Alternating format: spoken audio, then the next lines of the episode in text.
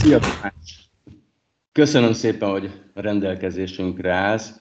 Ja, azzal kapcsolatban kerestelek, hogy, hogy segíts nekünk megérteni a, az ukrán-orosz háborúnak, vagy orosz-ukrán háborúnak a nemzetközi büntetőjogi vonatkozásait, és hogy miért gondoltam, hogy te vagy a legjobb választás ennek a kérdésnek a körbejárására, mert hogy egyrészt nemzetközi jogász, nemzetközi büntetőjogász vagy, többek között a Corvinus Egyetemnek a docense, az MTA Jogtudományi Intézetének, a bűnügyi jogtudományok osztályának a kutatója is vagy, ráadásul a kutatási területed éppen a nemzetközi jog, különösen azon belül is a nemzetközi büntetőjog és nemzetközi humanitárius jog.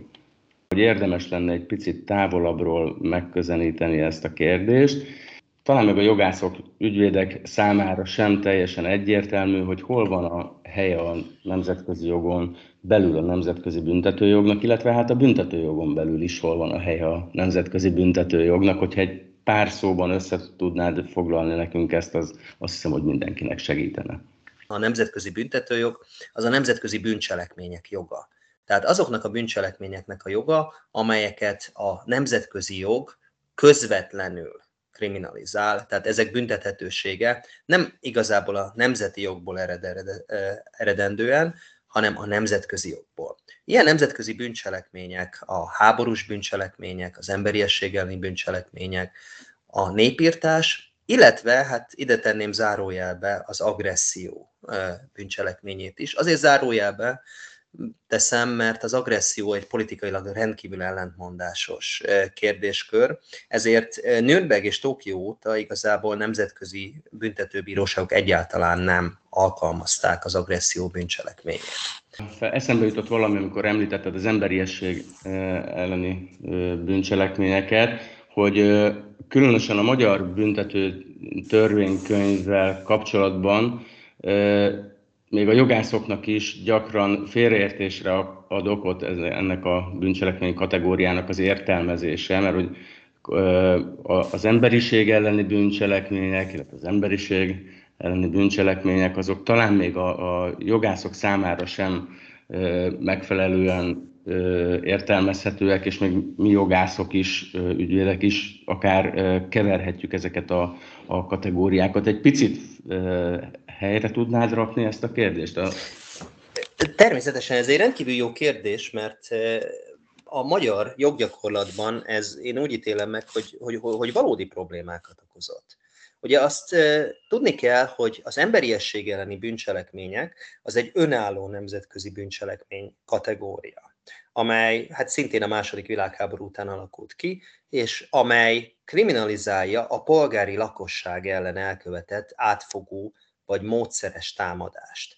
Ennek azért volt óriási jelentősége a második világháború után, mert a klasszikus nemzetközi jogban ugye az állam igazából bármit megtehetett a saját lakosságával. Tehát, hogyha az állam úgy döntött, hogy a saját lakosságának egy részét elpusztítja, vagy megfosztja az alapvető jogaitól, ez a nemzetközi jog értelmében egy teljesen semleges cselekmény volt. A második világháború után viszont megjelenik ez a kategória, ami azt mondja, hogy hát a polgári lakosságot az saját állama sem foszthatja meg az alapvető jogaitól. Na most a magyar jogban ugye nagyon furcsa módon eh, került ez szabályozásra. Egészen a jelenlegi BTK-ig, tehát a 2012. évi százas törvény elfogadásáig nem létezett a magyar jogban az emberiesség elleni bűncselekmények kategóriája. Viszont már a korábbi eh, magyar eh, büntetőtörvényekben is, tehát az 61 évi 5-ösben vagy a 78 évi 4-esben is volt egy fejezet, a 61 évi 5-ösben a 10. fejezet, a 78. évi 4-esben a 11. fejezet, amelyikben szerepelt az a kifejezés, hogy emberiség elleni büntettek, illetve bűncselekmények. Na most miért fontos ez? Mert a magyar büntető jogászok és nemzetközi jogászok között is volt egy óriási vita, hogy egyáltalán hogyan kellene lefordítani ezt az eredetileg angolban Crimes Against Humanity-nek, eh, vagy franciába Crime contre humanité-nak hívott eh, bűncselekményt. Ugye a magyar nyelvben nincs egységes szó arra, arra, hogy humanity. Ezt lehet emberiségnek is fordítani, vagy lehet emberiességnek, vagy emberségességnek is fordítani. És a magyar nyelvben, amikor először megjelenik ez a fogalom, hogy crimes against humanity, akkor ezt általában emberiség elleni büntetnek fordították. Tehát például a Párizsi békeszerződésben is van egy utalás az emberiség elleni büntettekre. Később a 90-es években, amikor a magyar állam kihirdeti a jugoszláv büntetőtörvényszék, vagy a ruandai nemzetközi büntetőtörvényszék alapokmáját, ezekben is emberiség elleni büntetként szerepel ez a fogalom. Tehát ez a fogalom eredetileg úgy került fordításra, hogy emberiség elleni büntet, de a magyar BTK-ban nem szerepelt. Viszont a magyar BTK-ban szerepelt egy fejezet, aminek az volt a neve, hogy emberi, emberiség elleni büntet, viszont abban nem volt benne a Crimes Against Humanity kategóriája, hanem más nemzetközi bűncselekmények voltak benne. Tehát például népírtás, vagy háborús bűncselekmények. Miért hm. mondom azt, hogy szerintem ez okozott problémát a jogalkalmazásban? Ugye itt hát vissza... kapcsolatban, nem? Így van, pontosan a sortűzperekkel kapcsolatban. Ugye e, vissza kell mennünk egy icipicit az időbe, ugye a 90-es években ugye óriási eh, politikai és jogi vitát generált az, hogy lehet-e, és hogyha igen, hogyan lehet felelősségre vonni azokat, akik az 56-os forradalom kapcsán követtek el büntetteket. Ugye az első megközelítés az az volt, hogy egyszerűen a magyar parlament kimondja azt, hogy az elévülés az nem érvényes. Ezek a cselekmények valójában nem évültek el. De hát ugye ezzel volt egy formális jogi probléma, hogy hát ezek a bűncselekmények már valójában elévültek. Tehát lehet-e egy már elévült bűncselekményt központilag visszavonni, és azt mondani, hogy valóságban nem is évült el? Ugye erre a Magyar Alkotmánybíróság azt mondta, hogy nem lehet. Ugye van egy formális jogállamisági megközelítés, amelyik azt mondja, hogy ezeket a procedurális szabályokat nem lehet áthágni. Viszont a az Alkotmánybíróság a 93. évi határozatában hozott egy, adott egy kibúvót. Azt mondta, hogy de a nemzetközi bűncselekmények azok nem évülhetnek el. Tehát a nemzetközi bűncselekmények, mint a háborús bűncselekmények, az emberiességeni bűncselekmények, mint a népírtás, ezek akkor sem évültek el, ha esetleg a magyar büntető törvénykönyv szerint el kellett volna, hogy évüljenek. Na most, mi történik tehát? Megindulnak eljárások a sortűzperek vádlottaival szemben, és ugye a magyar jogalkalmazó megpróbál valamilyen nemzetközi bűncselekményt a, ö, ö, megállapítani ezek kapcsán. Ugye háborús bűncselekmények vannak a magyar büntető törvénykönyvben, de emberiesség elleni bűncselekmények nincsenek vagy ahogy akkoriban hívták, emberiség elleni bűncselekmények. Igen ám, de ugye a magyar BTK 11. fejezetét úgy hívják, hogy emberiség elleni bűncselekmények. Tehát, ugye a magyar jogalkalmazó azt mondja, hogy tehát akkor az emberiség elleni bűncselekmények azok valójában ugyanazok, mint a háborús bűncselekmények.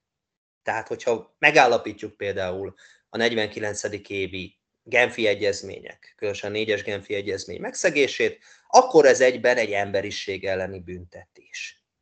Na most ez egy teljesen hibás és téves álláspont volt, hiszen, amit mondtam, az emberiesség elleni bűncselekmények egy önálló bűncselekmény kategória. Nem háborús bűncselekmények, lehet átfedés a kettő között. Tehát lehet, hogy egy cselekmény egyszerre valósít meg háborús bűncselekményt és emberiesség elleni bűncselekményt, de a kettő akkor is két külön kategória. Tehát a magyar jogalkalmazásban eh, és a magyar bírósági gyakorlatban én azt gondolom, hogy egy teljesen téves eh, álláspont alakult ki, ami a kettőt gyakorlatilag összevonta, pusztán azért, mert ugye a magyar büntetőtörvénykönyvben nem szerepelt ez a kategória. Ez is vezetett ahhoz aztán, hogy ha jól emlékszem, 2008-ban az Európai Emberi Jogi Bíróság a Korbé ügyben azt mondta, hogy hát a magyar bíróságok tévesen alkalmazták a nemzetközi jogot, és az egyezmény hetedik cikkeibe, tehát a visszaható, hatályú, a visszaható hatály tilalmába ütközik az, ahogyan eljártak. Hát nagyon szépen köszönöm ezt az igen alapos kitekintést, és azt hiszem, hogy most már mindenki tudja, hogy hogy, mi a különbség, illetve a hasonlóság a két jogintézmény, két bűncselekmény típus között. Így köszönjük, hogy, hogy ezt így ennyire alaposan elmondtad. És most vissza egyébként a, a még nem feltétlenül az orosz-ukrán háborúhoz, de hogy, hogy a nemzetközi büntetőjognak milyen ilyen konkrét jogintézményei vannak, hogyan alkalmazhatóak ezek a jogok, a, milyen eljárásban lehet valakinek a felelősségét nemzetközi büntetőjog alapján megállapítani. Tehát ugye kicsit közelítve már a, a, a konkrétumokról, mm, kon, konkrét háborús bűncselekményekhez, hogy néz ki ez gyakorlatban? Rendben, ugye ez egy, ez, ez egy hatalmas témakör, amiről beszélni kell. Tehát akkor két részre választom, és azt a két részt is még további két részre. Ugye egyrészt a nemzetközi büntetőjog nemzetközi büntetőjogi fórumok általi alkalmazása, illetve a, a belső, a hazai bíróságok általi alkalmazása, illetve ugye a szubstantív és a procedurális aspektusok. Tehát nem tudom, lehet, hogy kezdjük inkább akkor a hazai megközelítése, hogy az egyes államok hogyan alkalmazhatják uh-huh. nemzetközi büntetőjogot. Ugye nyilván az egyik lehetséges mód az, amit már említettem, hogy az államok átültetik a belső jogukba a nemzetközi bűncselekményeket, és akkor már, mint e, tulajdonképpen hazai jogot is alkalmazhatják. Ugye azt lehet mondani, hogy például a 2012. évi százas törvény elfogadásával a magyar BTK nagyon nagy részben átültette a nemzetközi büntetőjogi szubstantív szabályokat a magyar jogba. Nekem azért elég sok problémám van különösen a háborús bűncselekmények magyar szabályozásával, majd remélhetőleg egyszer elkészül a cikkem is ezzel kapcsolatban, amiben részletezem, hogy mit, mit gondolok erről. De ennek ellenére ugye a magyar jogalkalmazó, hogyha találkozik egy olyan esettel, amikor nemzetközi büntetőjogi normák megsértésének gyanúja merül föl, akkor a magyar BTK-hoz első körben mindenképpen fordulhat. Ugye itt fontos hangsúlyozni, hogy rendkívül sok állam joga, többek között a magyar büntetőjog is, amit megint a hallgatók ezt nagyon jól tudják, lehetőséget ad az univerzális büntetőhatalom, vagy univerzális joghatóság gyakorlására. Ugye éppen idén, vagy most, most már tavaly, bocsánat, tehát éppen a közelmúltban született az első magyar jogerős ítélet, amelyben egy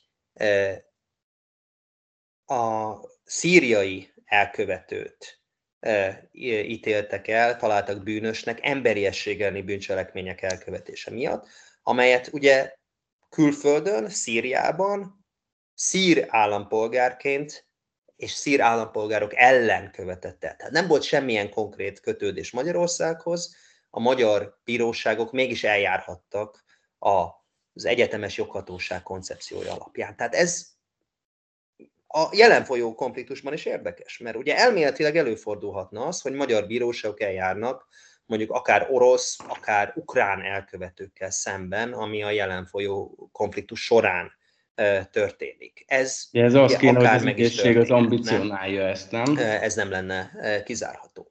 Ugye visszatérve egy icipicit a szubstantív jogi kérdésekhez, sok ország, és többek között Magyarország is, elméletileg lehetővé teheti azt, vagy teszi azt, hogy akár nem írott jog alapján is eljárjanak a bíróságok. Tudom, hogy ez most egy látszólag egy nagyon meghökkentő állítás, amit mondok, hiszen hát ugye mindenki, aki büntetőjoggal foglalkozik, az rögtön azt mondja, hogy de hát ez hogy nem szegi meg a strikt legalitás elvét, ugye hogy nem ütközik a nullum crimen színelége elvébe, stb.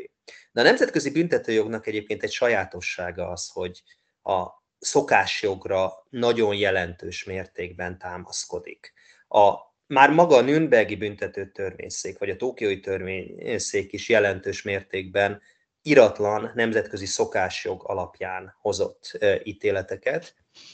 Megfigyelhetjük ugyanezt a Jugoszlávia törvényszéknél, vagy a ruandai törvényszéknél is. És visszatérve ugye arra, amit mondtam, hogy a Magyar Alkotmánybíróság is azt mondta, hogy a Magyar Bíróság alkalmazhat nemzetközi jogot.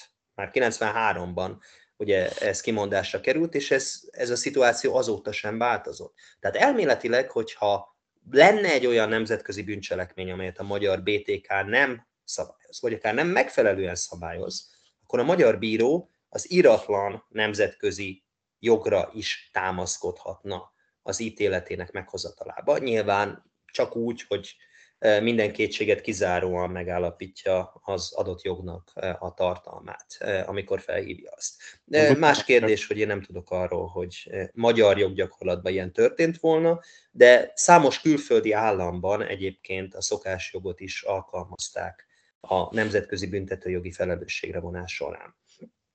Na most átérve a nemzetközi fórumokra, a nemzetközi büntetőjogban számos olyan intézmény született, amelynek a célja a nemzetközi büntetőjogi felelősségre vonás. Most ezek közül a legismertebb nyilván a Nemzetközi Büntetőbíróság, és mindjárt kicsit részletesebben beszélek arról, hogy mi lehet a szerepe a Nemzetközi Büntetőbíróságnak az orosz-ukrán konfliktussal kapcsolatban, de ezek mellett is számos más speciális bíróság létezik. Hogy csak egyet megemlítsek, például a Koszovóban, Koszovó területén elkövetett nemzetközi bűncselekmények felelősségre vonásával kapcsolatban is létrehoztak egy speciális bíróságot, amely nem is olyan régen, néhány évvel ezelőtt kezdte csak el a működését, és ez is Hollandiában található, mint a legtöbb másik nemzetközi büntetőbírói fórum. És korábban ugye már említettem a Jugoszlávia Nemzetközi Büntető Törvényszéket, vagy a Ruandai Büntető Törvényszéket. Ezeket a biztonsági tanács hozta létre arra a célra, hogy egy-egy speciális konfliktussal kapcsolatban elbírálják az ott elkövetett bűncselekményeket. Na most visszatérve a Nemzetközi Büntetőbíróságra. A Nemzetközi Büntetőbíróságnak az a, az a kiemelkedő fontossága, hogy minden más nemzetközi büntetőfórum, amelyet megemlítettem, adhok jellegű. Egy meghatározott konfliktussal kapcsolatban hozták létre, térben és időben is limitált a joghatósága. A Nemzetközi Büntetőbíróságot viszont egy állandó nemzetközi büntetőjogi fórumként hozták létre.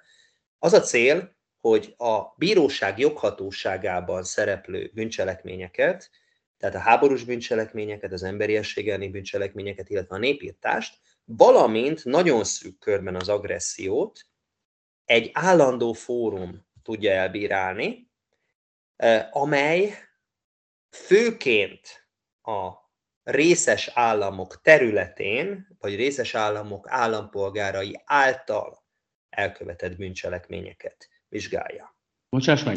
Tehát uh, alapvetően ha a Nemzetközi Büntetőbíróságnak a joghatósága egyfajta átruházott nemzeti joghatóságot jelent. Ugye minden államnak nyilvánvalóan joga van a területén elkövetett bűncselekményt vizsgálni, és minden államnak joga van az állampolgárai által elkövetett bűncselekményeket kivizsgálni.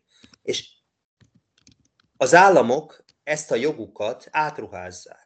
Oroszországgal kapcsolatban van valami, amiről tudnunk? Tehát az Oroszországnak az álláspontja a Nemzetközi Bíróság létével, meg joghatósággal kapcsolatban az, az milyen jelenleg?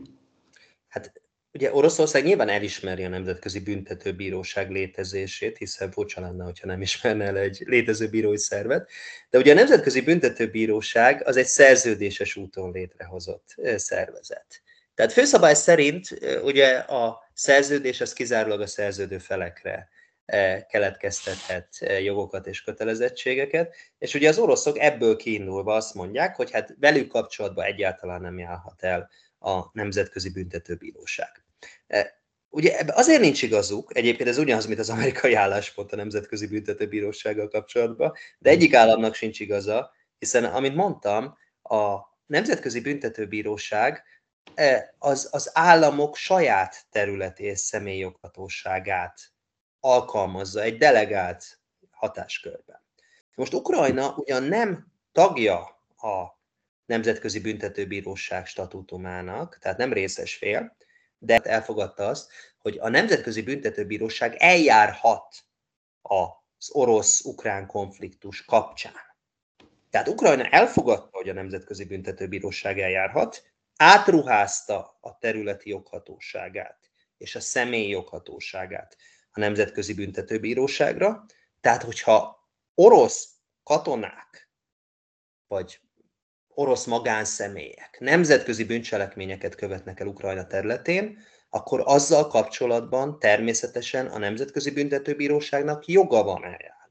Hogyan, hogyan indul meg egy ilyen eljárás? Hát nyilván nemzet, világrendőrség az, az, az nem létezik. Tehát, hogy ö, jellemzően ö, mi a, a, az a pont, ahol ez a bünt, egy ilyen büntető eljárás elindul, és hogyan, milyen eljárásrendben kerülhet a Nemzetközi Bíróság elé? Hát többfajta módon történhet.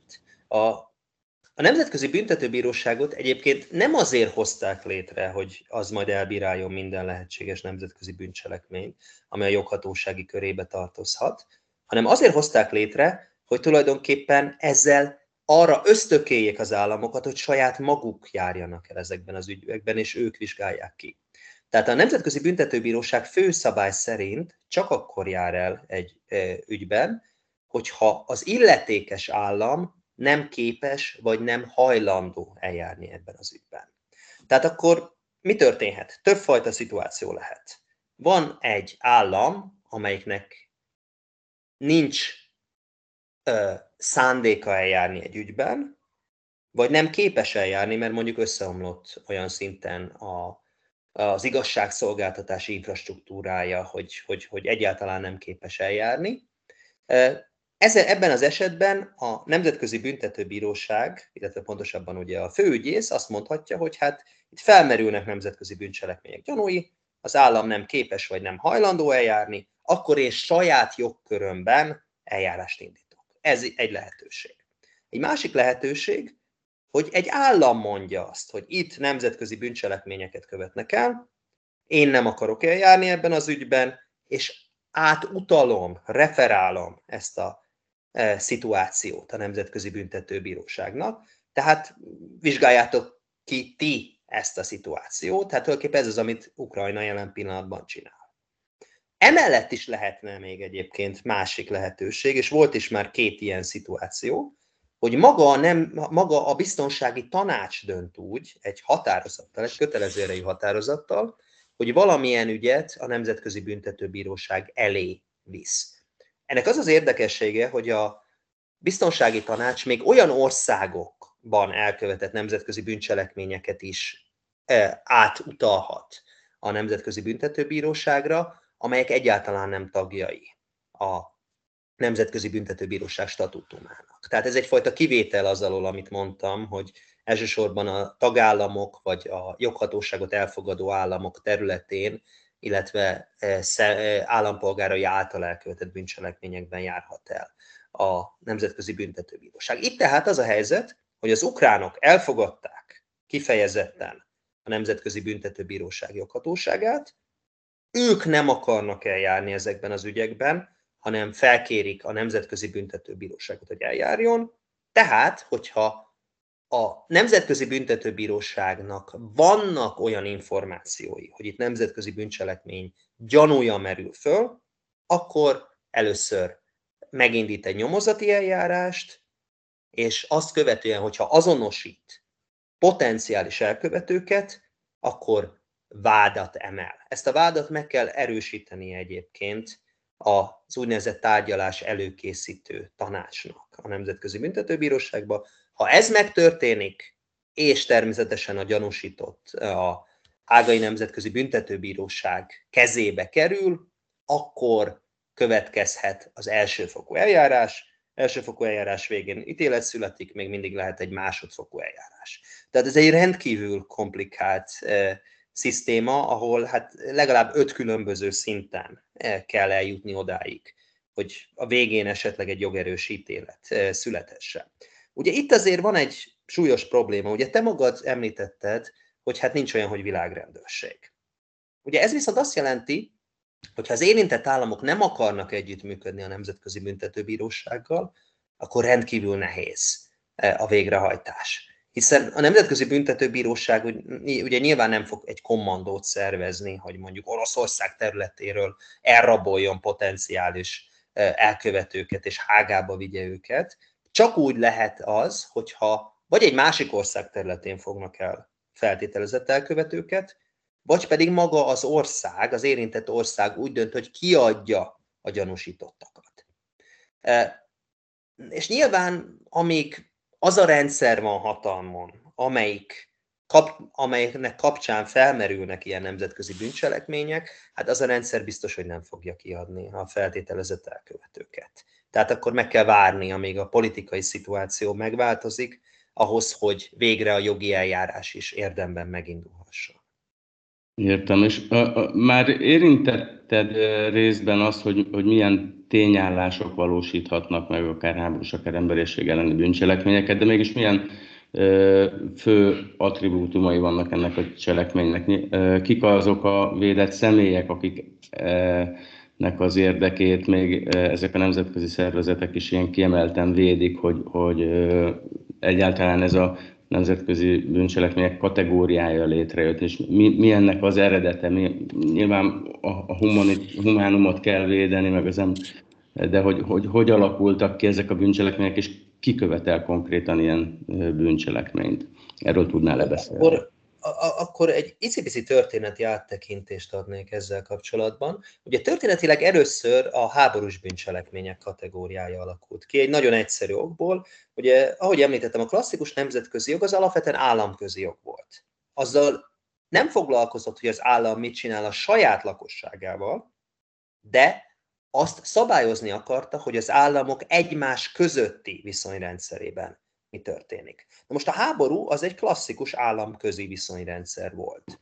Ugye egy olyan viszonyrendszer, ahol a katonák az állam képviselőiként jártak el, és kialakult a hadijog a 19. század második felétől egy hihetetlenül részletesen szabályozott, rendkívül technikai rendszer, ami tulajdonképpen pontosan előírta, hogy kik vehetnek részt a háborúban, milyen fegyvereket használhatnak, milyen módszereket használhatnak a harc során, hogyan kell viselkedniük a polgári lakossággal szemben, hogyan kell viselkedniük a hadifoglyokkal szemben. Tehát tényleg, ha összerakjuk az összes humanitárius jogi, tehát hadijogi egyezményt, akkor hát több száz oldalt kapunk, több ezer paragrafussal. Messze a nemzetközi jog legjobban szabályozott területe ez, és hát ugye a humanitárius jog, vagy hadi jog, ugye egy olyan terület, ami alapvetően azért az államok érdekazonosságát tükrözi.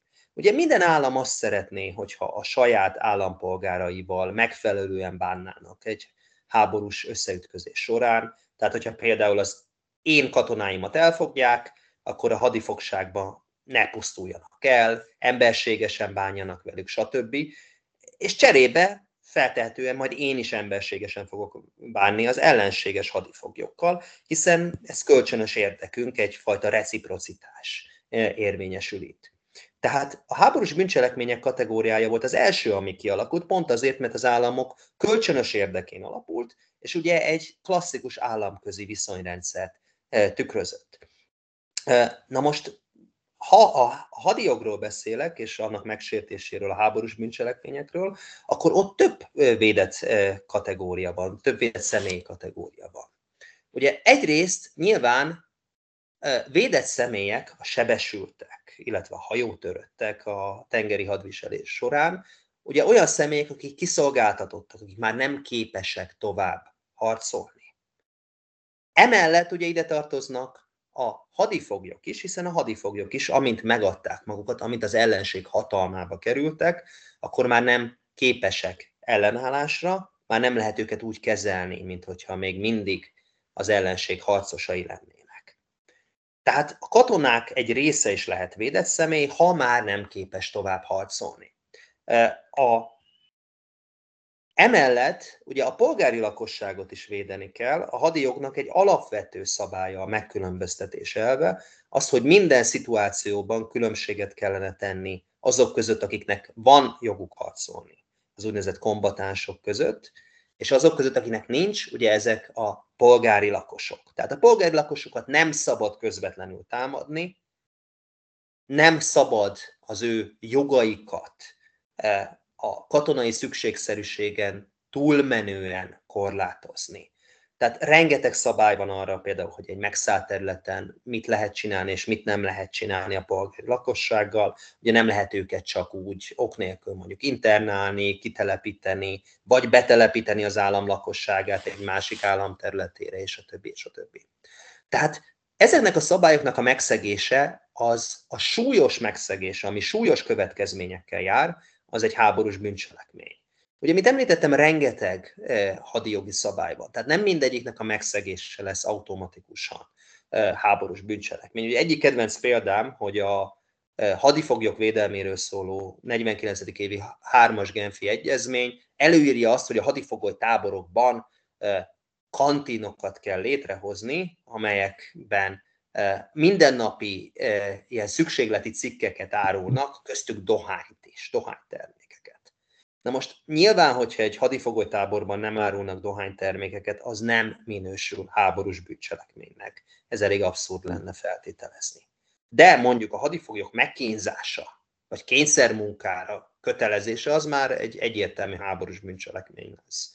Ahogyan mondjuk tiltott fegyverek alkalmazása, ahogy mondjuk tiltott hadviselési módszerek alkalmazása, mondjuk a polgári lakosság szőnyegbombázása, és a többi, és a többi. Tehát rengeteg potenciális háborús bűncselekmény van, amelyek mind, mind a hadijog súlyos megszegését jelentik. Na most ezektől valamennyire különbözik az emberiességeni bűncselekmények kategóriája. Mert a második világháború után az emberiességeni bűncselekmény kategóriát igazából azért hozták létre, mert a hadijog nem védett mindenkit. Leginkább ugye nem védte az állam saját polgári lakosságát a saját államával szemben. Ugye gondoljuk a második világháborúra, ahol bizonyos népcsoportokat, ugye elsőbb a zsidóságot, ugye nagyon széles körű jogfosztásért. Alapvető jogaiktól ö, ö, fosztották meg őket, aztán ugye a végén még a holokausztra is sor került. Na most abszurd módon a klasszikus nemzetközi jog értelmében egy állam akár el is pusztíthatta a saját lakosságát, és az sem minősült bűncselekménynek. Tehát az emberiességeni bűncselekmények kategóriája ezt a hiányosságot akarta kiküszöbölni azzal, hogy kimondta, hogy a polgári lakosság elleni átfogó vagy módszeres támadás is bűncselekmény, még akkor is, ha a saját állama követi el. Na most itt van egy átfedés egyébként a háborús bűncselekmények és az emberiességeni bűncselekmények között. Mert ha például egy nemzetközi fegyveres konfliktus során e, az egyik hadviselő fél megtámadja az ellenfél polgári lakosságát, az egyszerre háborús bűncselekmény és emberiesség elleni bűncselekmény is. Ha viszont mondjuk egy fegyveres konfliktusban az egyik hadviselőfél tiltott fegyvert használ, az ellenfél katonáival szemben, de nem a polgári lakossággal szemben, akkor az csak háborús bűncselekmény. Értelemszerűen. Tehát itt vannak még apróbb különbségek, de ezekbe szerintem nem érdemes azért részletekbe belemenni. Talán így is látható, hogy körülbelül mit jelent ez a két bűncselekmény kategória. Köszi, hát nagyon, nagyon tiszta most, és érthető szerintem, ahogyan, ahogyan elmondod. És még egy dolog merült föl bennem, ami, ami engem például érdekel, hogy ki tartozik ezekért a cselekményekért felelősséggel? A, aki hivatásos katona, parancsnok, vagy, vagy, vagy akinek valami befo- a politikusoknak a felelőssége is fölmerülhet, hogyha befolyásuk van arra, hogy bizonyos hadműveletek mikor indulnak el. Tehát, hogy ezzel kapcsolatban mit mond a nemzetközi büntetőjog? Nagyon jó ez a kérdés. Ugye a nemzetközi büntetőjog az alapvetően egy nagyon széles körben értelmezi az előjárói felelősséget. Ugye a második világháború után például a, a náci háborús bűnösök ugye azzal védekeztek, hogy mindent parancsra tettek, hiszen volt egy nagyon szigorú aláfölé rendeltségi, hierarchikus ö, lánc a harmadik birodalomban, és igazából mindenért Hitler volt felelős, hiszen Hitler kiadott egy parancsot, és azt mindenkinek tovább kellett adni, és végre kellett hajtania. Most a nemzetközi büntetőjogban egyrészt ugye a parancsra eh, tettem felelősség, eh, parancsra tettem kifogás az nem érvényesül eh, többé, hiszen egy jogellenes parancsot ezt meg kell tagadni. De emellett ugye kialakult az a koncepció, hogy nem azt kell vizsgálni, hogy formálisan ki a parancsnok egy szituációban, hanem amellett azt is vizsgálni kell, hogy informálisan kinek van tényleges ráhatása azokra a cselekményekre. Ugye, hadd mondjak egy példát. Például a ruandai népírtás során voltak olyan polgármesterek, akik ugye elméletek civil előjárók voltak, nem voltak milícia parancsnokok, nem tud, elméletileg ugye nem volt katonai hierarchiában szerepük, de informálisan nagyon nagy befolyásuk volt az eseményekre, és el tudták dönteni, hogy ki éljen, vagy ki haljon. Tehát igazából az ő utasításukat a valóságban adott esetben végrehajtották, vagy legalábbis figyelembe vették. Tehát ezekben a szituációkban a ruandai büntetőtörvényszék minden probléma nélkül megállapította, hogy ezeknek a személyeknek igenis volt felelősségük, még hogyha formálisan nem is volt olyan katonai rangjuk. Tehát egy ilyen szituációban nyilván vizsgálni kell, hogy ki a katonai parancsnok, hiszen neki van egy elméletileg eh, eh, meglévő eh, rangja, amelyek alapján ténylegesen befolyásolhatja az eseményeket, de emellett vizsgálni kell azt, hogy ki az, akinek a valóságban még emellett is lehet befolyása az eseményekre, és akkor ezeknek a személyeknek a felelősségre vonása is felmerülhet. Ugye egyébként ezt a magyar BTK-ba át is ültette a, a 2012. évi százas törvény, hiszen most mhm. már ugye létezik ez az előjárói felelősség koncepciója, ami egyenesen a nemzetközi büntetőjogból származik.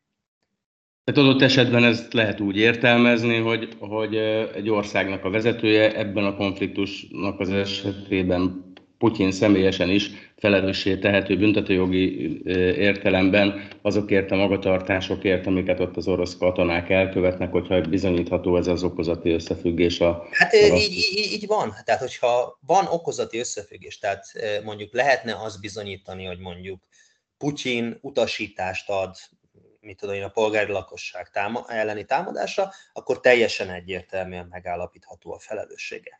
Ugye itt azért fontos azt hangsúlyozni, hogy valamilyen szintű összefüggésnek azért kellene lennie itt a kettő között, bár ugye ezt lehet egyfajta bűnszervezeti elkövetésként is értelmezni. A nemzetközi büntetőjogban egyébként óriási viták zajlanak a körül, hogy mondjuk milyen széles körben lehet mondjuk a bűnszervezeti felelősségi koncepciót alkalmazni nemzetközi bűncselekményekre. Ugye ad mondjak egy egyszerű példát, például a koncentrációs táborban felelőse minden alkalmazott, aki valamilyen módon hozzájárul a koncentrációs tábor működéséhez. Tehát például a szakács is felelős a népírtás bűncselekményéért? Vagy mondjuk emberiességeni bűncselekményéért, vagy nem? Vannak olyan kiterjesztő koncepciók, amik azt mondják, hogy igen, mindenki, aki benne van egy ilyen szervezetben, tulajdonképpen felelős, Ugye mások azt mondják, hogy hát azért ez, ez, ez, ez egy túlzatlan széles megközelítés. Talán azt hiszem, hogy mint a tőled származna az a jogeset, hogy egy japán parancsnoknak a felelősségét állapították, meg talán aki, aki ott sem volt, meg, meg a közvetlenül a háborús konfliktusban nem is tudott volna a katonáinak parancsot adni? Ez, erre Igen, így jogos. van. Tehát volt, volt egy nagyon híres eset a második világháború után, amikor Yamashita tábornokot halálba egy, egy, egy amerikai katonai bíróság. Őről azt kell tudni, hogy ő a Fülöp-szigeteki japán fegyveres erőknek a főparancsnoka volt, és amikor Manilát ostrom alá vették az amerikai erők, akkor ő a csapatainak egy részével bevetette magát az őserdőbe, és gyakorlatilag egyfajta ilyen gerilla harcmodorra rendezkedett be. A csapatai egy része viszont maradtak Manilában, és az ostrom során egészen brutális bűncselekményeket követtek el. Na most azt kell tudni, hogy Jamasta tábornok, amíg ott volt, addig nem követtek el egyáltalán semmilyen bűncselekményt a katonái. Amikor elment, akkor kifejezetten utasításba adta a katonáinak, hogy humánus módon bánjanak a polgárlakossággal, és amikor az őserdőben volt, nem tudott kapcsolatba kerülni a saját csapataival, mert az amerikaiak zavarták a rádiótást. Ennek ellenére a világháború után őt mégis halára ítélték, azok miatt a bűncselekmények miatt, amelyeket ugye a csapatainak egy része követett el, mondván, hogy ő volt a parancsnok, tehát ő felel mindenért, amit ott elkövettek. Na most ez pont ez a kiterjesztett eh, felelősségi koncepció, ami szerintem eh, igazságtalan és elfogadhatatlan, hiszen egy parancsnokot akkor kell felelősségre vonni, ha valamilyen módon lett volna lehetősége befolyásolni az eseményeket. Tehát egy olyan szituációban, amikor a parancsnokot megakadályozták abba, hogy bármilyen ráhatása legyen az eseményekre, akkor hogyan lehetne felelősségre vonni olyan eseményekért, amelyeket ő nem is akart, és nem is tudott volna. Tehát nem akart volna elkövetni, és nem tudott volna megakadályozni. Hát világos. A, a bizonyításnak a nehézsége meg talán pont ezeknél a bűncselekményeknél a legjelentősebb, hiszen a, a maguknak, a katonai műveleteknek is a jellegzetessége, hogy azt nagyon ritkán teszik átláthatóan és mindenki számára hozzáférhetően, hogy, hogy mi a parancsal egy hadművelet során.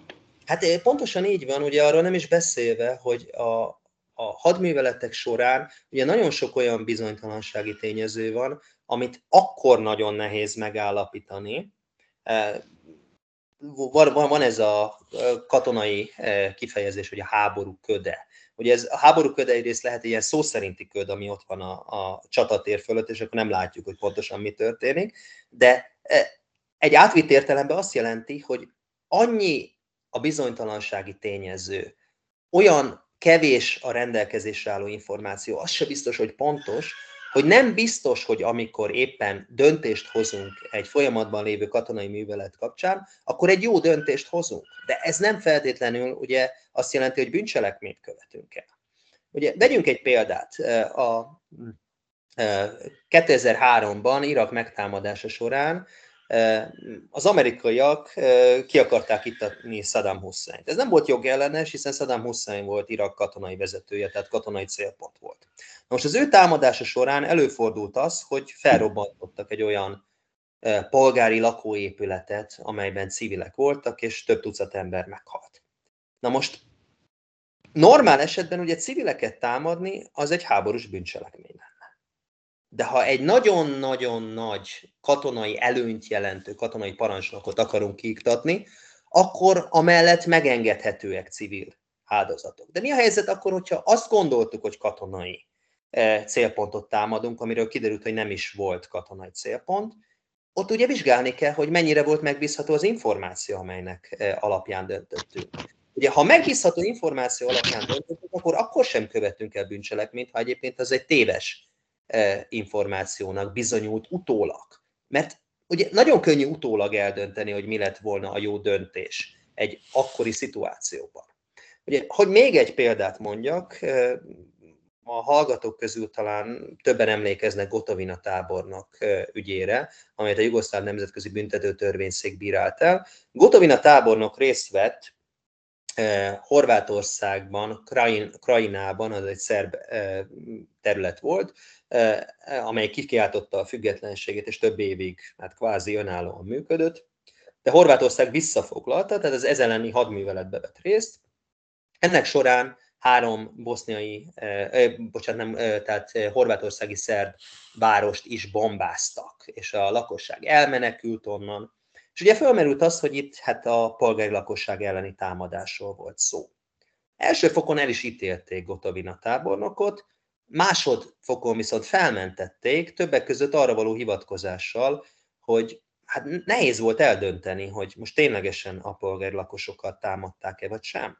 Ugye gondoljunk arra, hogy pusztán azért, mert egy e, civil lakóépületet támad egy hadsereg, még nem biztos, hogy civileket támad, hiszen egy civil lakóépületben is lehetnek ellenséges harcosok.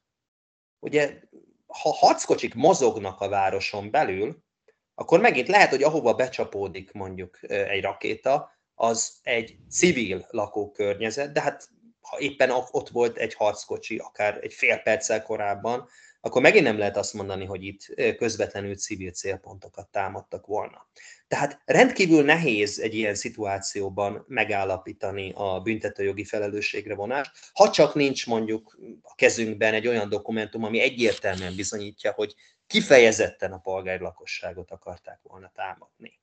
Tehát a felelősségre vonás és a bizonyítás az egy rendkívül, rendkívül nehéz dolog. Én például ezért sem akarok most egyértelműen soha válaszolni az olyan kérdésekre, amelyeket mostanában kapok, hogy hát akkor mondjuk az orosz katonák ugye egyértelműen háborús bűncselekményeket követnek el Ukrajnába.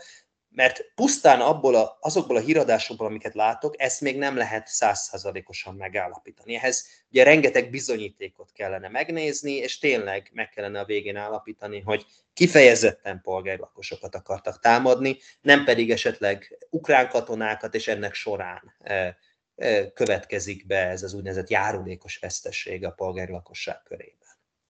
Világos, és ha már te is említetted a háború ködét, akkor ez, ezt az analógiát tovább folytatva, ezt a ködöt talán segíthet eloszlatni így 2022-ben az a e, rendkívüli jellemzője ennek a fegyveres konfliktusnak, háborúnak, hogy a technika vívmányának köszönhetően hát gyakorlatilag nagyon sok mindent szinte online lehet követni, és ez talán egy picit ellensúlyozza azt a az információ hiányt, meg a bizonyítási nehézségeket, amit ugye a, a, a belső hierarchiából, a belső parancsokkal kapcsolatban nem áll módunkban megtudni, viszont egészen egyértelműen lehet bizonyos esetekben látni, hogy mi történik. Anélkül, hogy, hogy én azt szeretném tőled kérni, hogy foglalj állást amiben az imént mondtad, hogy nem szeretnél.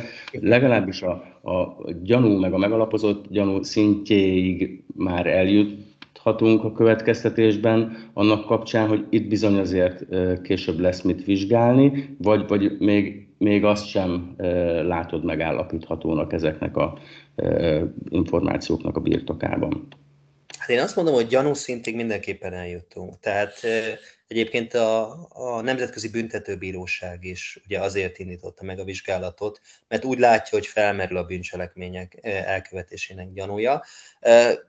De megint ugye ennek a, a, a verifikálásához majd tényleg bizonyítékok kellenek. De amit mondasz a modern technológia alkalmazásáról, az abszolút így van.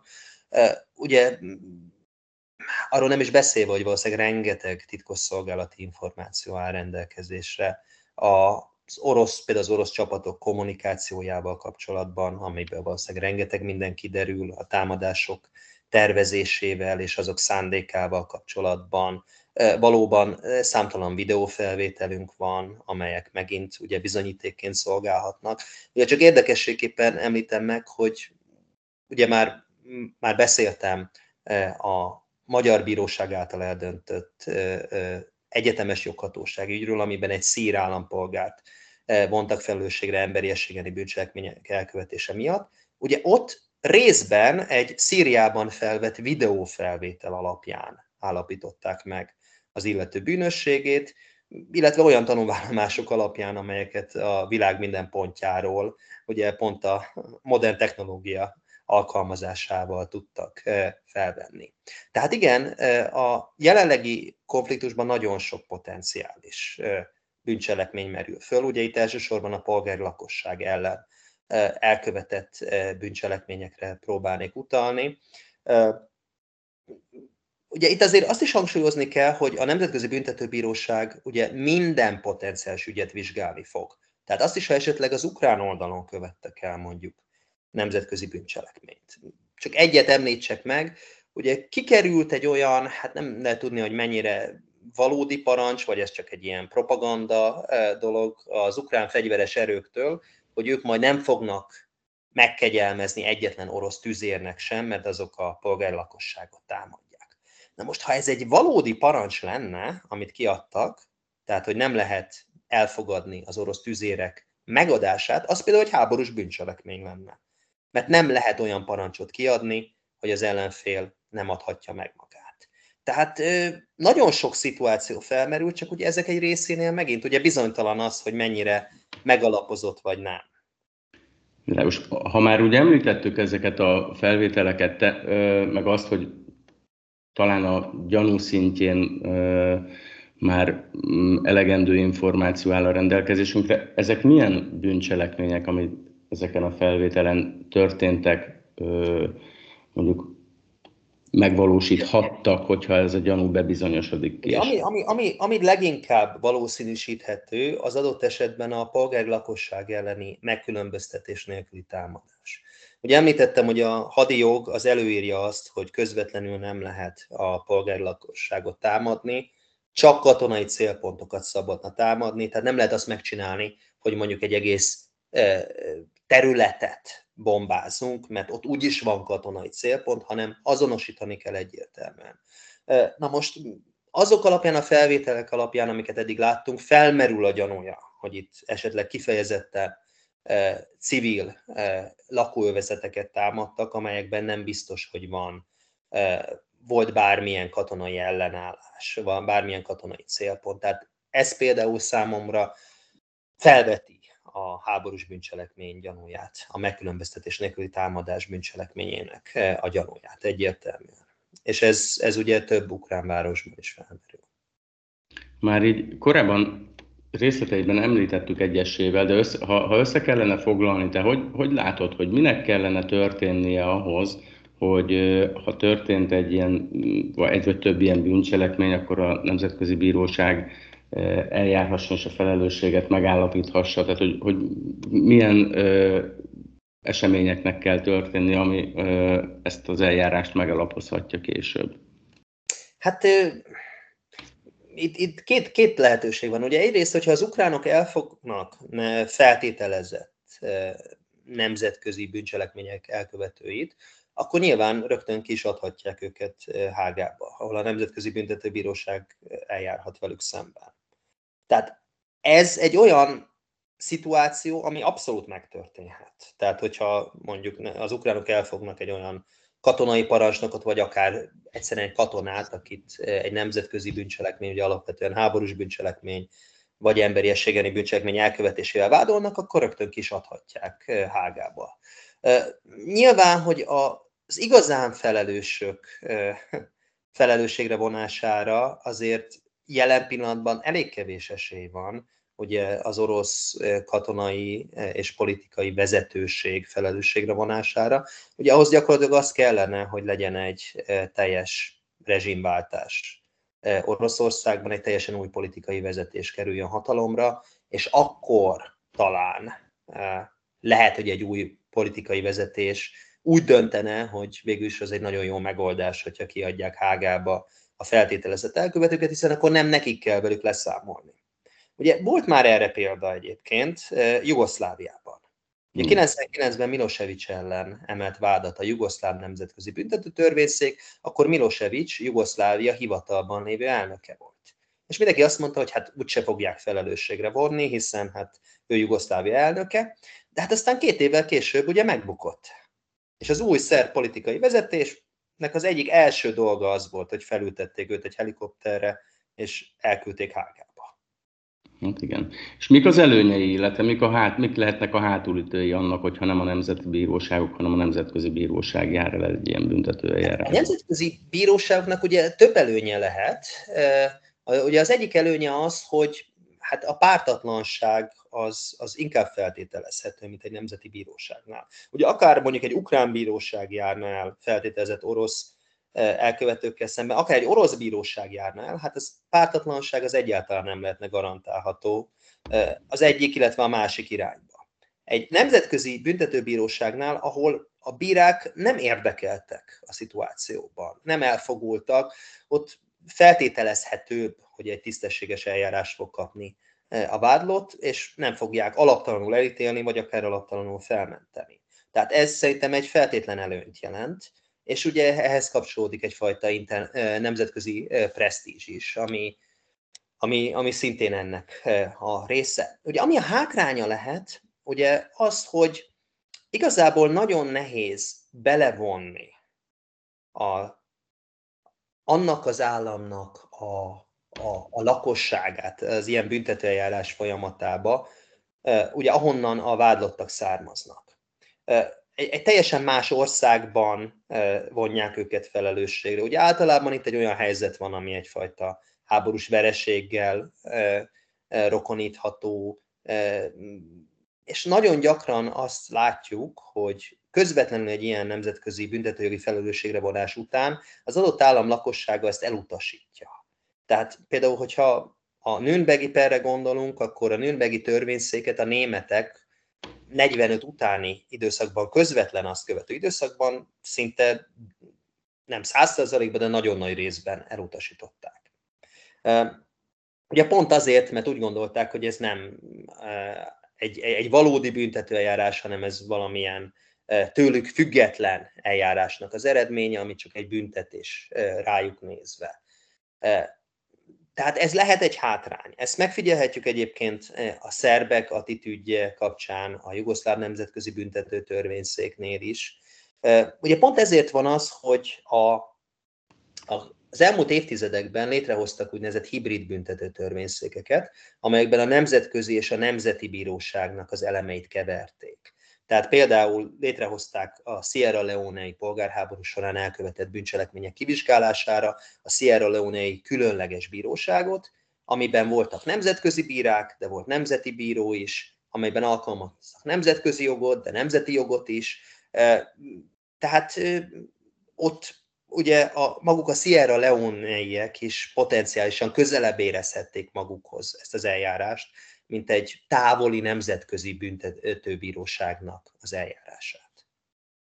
Világos, köszi szépen. És még egy ö, dolog jutott az eszembe, hogy egy ilyen büntető eljárásnak a szereplői között mi a különbség, hogyha a Nemzetközi Büntetőbíróság előtt jár el valaki, illetve a Nemzeti Bíróságok előtt, mert arra vagyok kíváncsi, hogy és feltételezem, hogy a, a nemzeti bíróságoknak a bírái, még ha, ha nagyon tanult, és az ott nemzet, az ott ország büntetőjogát, büntetőeljárás jogát rendkívüli mélységben ismerő, ismerik is.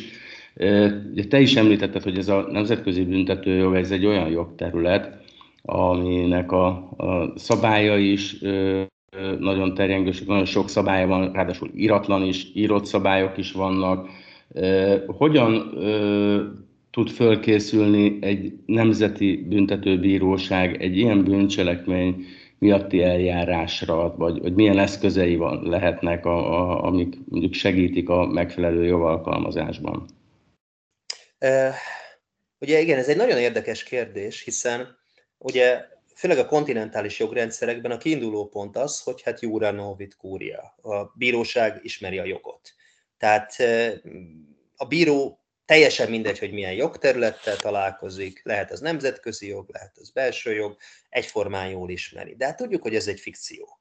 Tehát valójában ugye nyilvánvaló az, hogyha egy teljesen idegen jogterülettel találkozik adott esetben egy nemzeti bíró, akkor azt nem fogja ugyanolyan jól ismerni, mint a, mint, mint a saját szakterületét. De most ennek kapcsán ugye azért vannak potenciális megoldások. A Nemzetközi Büntetőbíróság például nagyon sok konfliktus által érintett országban, például afrikai országokban képzéseket tart, amelyekben a helyi bírákat gyakorlatilag megtanítják a nemzetközi büntetőjogra. Tehát, hogy ők maguk is el tudjanak járni ebbe az ügyben, ne kelljen a Nemzetközi Büntetőbíróságot leterhelni tehát az ideális megoldás az valószínűleg az, hogyha a nemzeti bírák, ha tényleg ez egy felmerül ez a kérdés, akkor valamilyen módon megpróbálnak egy plusz szakértelmet szerezni ebben a kérdésben, akár úgy, ahogy említettem, hogy egy külön képzés keretei között, vagy én pártolnám azt, de ezt a magyar jog egyébként nem teszi lehetővé, hogy akár egy jogi szakértő is adjon egy szakértői véleményt egy-egy obskurusabb eh, nemzetközi büntetőjogi kérdés kapcsán. Hát igen, ez egy e, egészen jó ötlet, csak pont a magyar büntető eljárástok a szabályaival ellentétes, hogyha jogkérdésben egy szakértő aztán állást foglal, akkor pont, hogy azt eredményező, hogy nem fogják tudni figyelembe venni az ő. Igen, igen, de ez például egy angol száz büntetőeljárásban teljesen lehetséges. Tehát egy angol száz büntetőeljárásban az teljesen megszokott, hogy mondjuk egy nemzetközi jogász professzor beszél nemzetközi jogi kérdésekről, hiszen ott abból indulnak ki, hogy hát ez mégiscsak egy idegen jog, amit az angol bíró nem biztos, hogy jól ismer, tehát akkor miért ne egy szakértő magyarázza el a bíróságnak, hogy ezt hogyan kellene értelmezni? Én azt gondolom, hogy lehet, hogy nem ártana, hogyha a magyar büntetőjárási szabályokat is ennek megfelelően próbálnak módosítani. De ez nyilván ez csak az én saját véleményem. De lége Ferenda. Akkor tehát még egy kérdés ezzel kapcsolatban, hogy a, nemzetközi bíróság, nemzetközi büntetőbíróságnak a bírái, azok hogyan nyerik a mandátumukat? Tehát kikből lesznek ilyen bírók? Igen, tehát a Nemzetközi Büntetőbíróság bíráit, azokat a tagállam, tagállamok választják, és egy rendkívül összetett rendszer van, mert megpróbálnak egy paritást elérni, nemi alapon is, tehát igyekeznek közelíteni a, a férfi és a női bírák arányát, és emellett megpróbálják úgy megválasztani a bírákat, hogy egyszerre legyenek nemzetközi jogi szakértők és büntetőjogi szakértők is mert hiszen hát a nemzetközi büntetőjog az valahol a két területnek a, a meccéspontjában található. Tehát körülbelül ugyanannyi nemzetközi jogász, mint e, tapasztalt büntetőjogász van ebben a testületben, és ez egyébként egy kiemelkedő és nagyon pozitív újítása szerintem a Nemzetközi Büntetőbíróságnak, ez korábbi nemzetközi büntetőfórumoknál nem volt megfigyelhető. Tamás, nagyon szépen köszönöm, hogy a rendelkezésünkre álltál, és mindezeket megosztottad velünk. Tehát záró kérdésnek, bár nem tűnik túl tudományosnak, de te hogyan látod, hogy ez a háború, ez a konfliktus, ez megalapozott-e olyan eljárásokat, amiknek következtében a Nemzetközi Büntetőbíróságnak lesz eljárása, vagy, vagy úgy látod, hogy meg elkerülhető lesz majd a büntetőjogi felelősségre vonás. Ha, ha tippelned kellene, te mi mellett tennéd le a voksodat? Én, én azt gondolom, hogy fog indulni büntetőeljárás a Nemzetközi Büntetőbíróság előtt, de az nem biztos, hogy a gyanúsítottak a közeljövőben hágába kerülnek. Nagyon szépen köszönöm még egyszer, hogy velünk voltál. Hoffman Tamást hallották, és köszönöm még egyszer, hogy itt voltál. Én köszönöm a beszélgetést. Szia!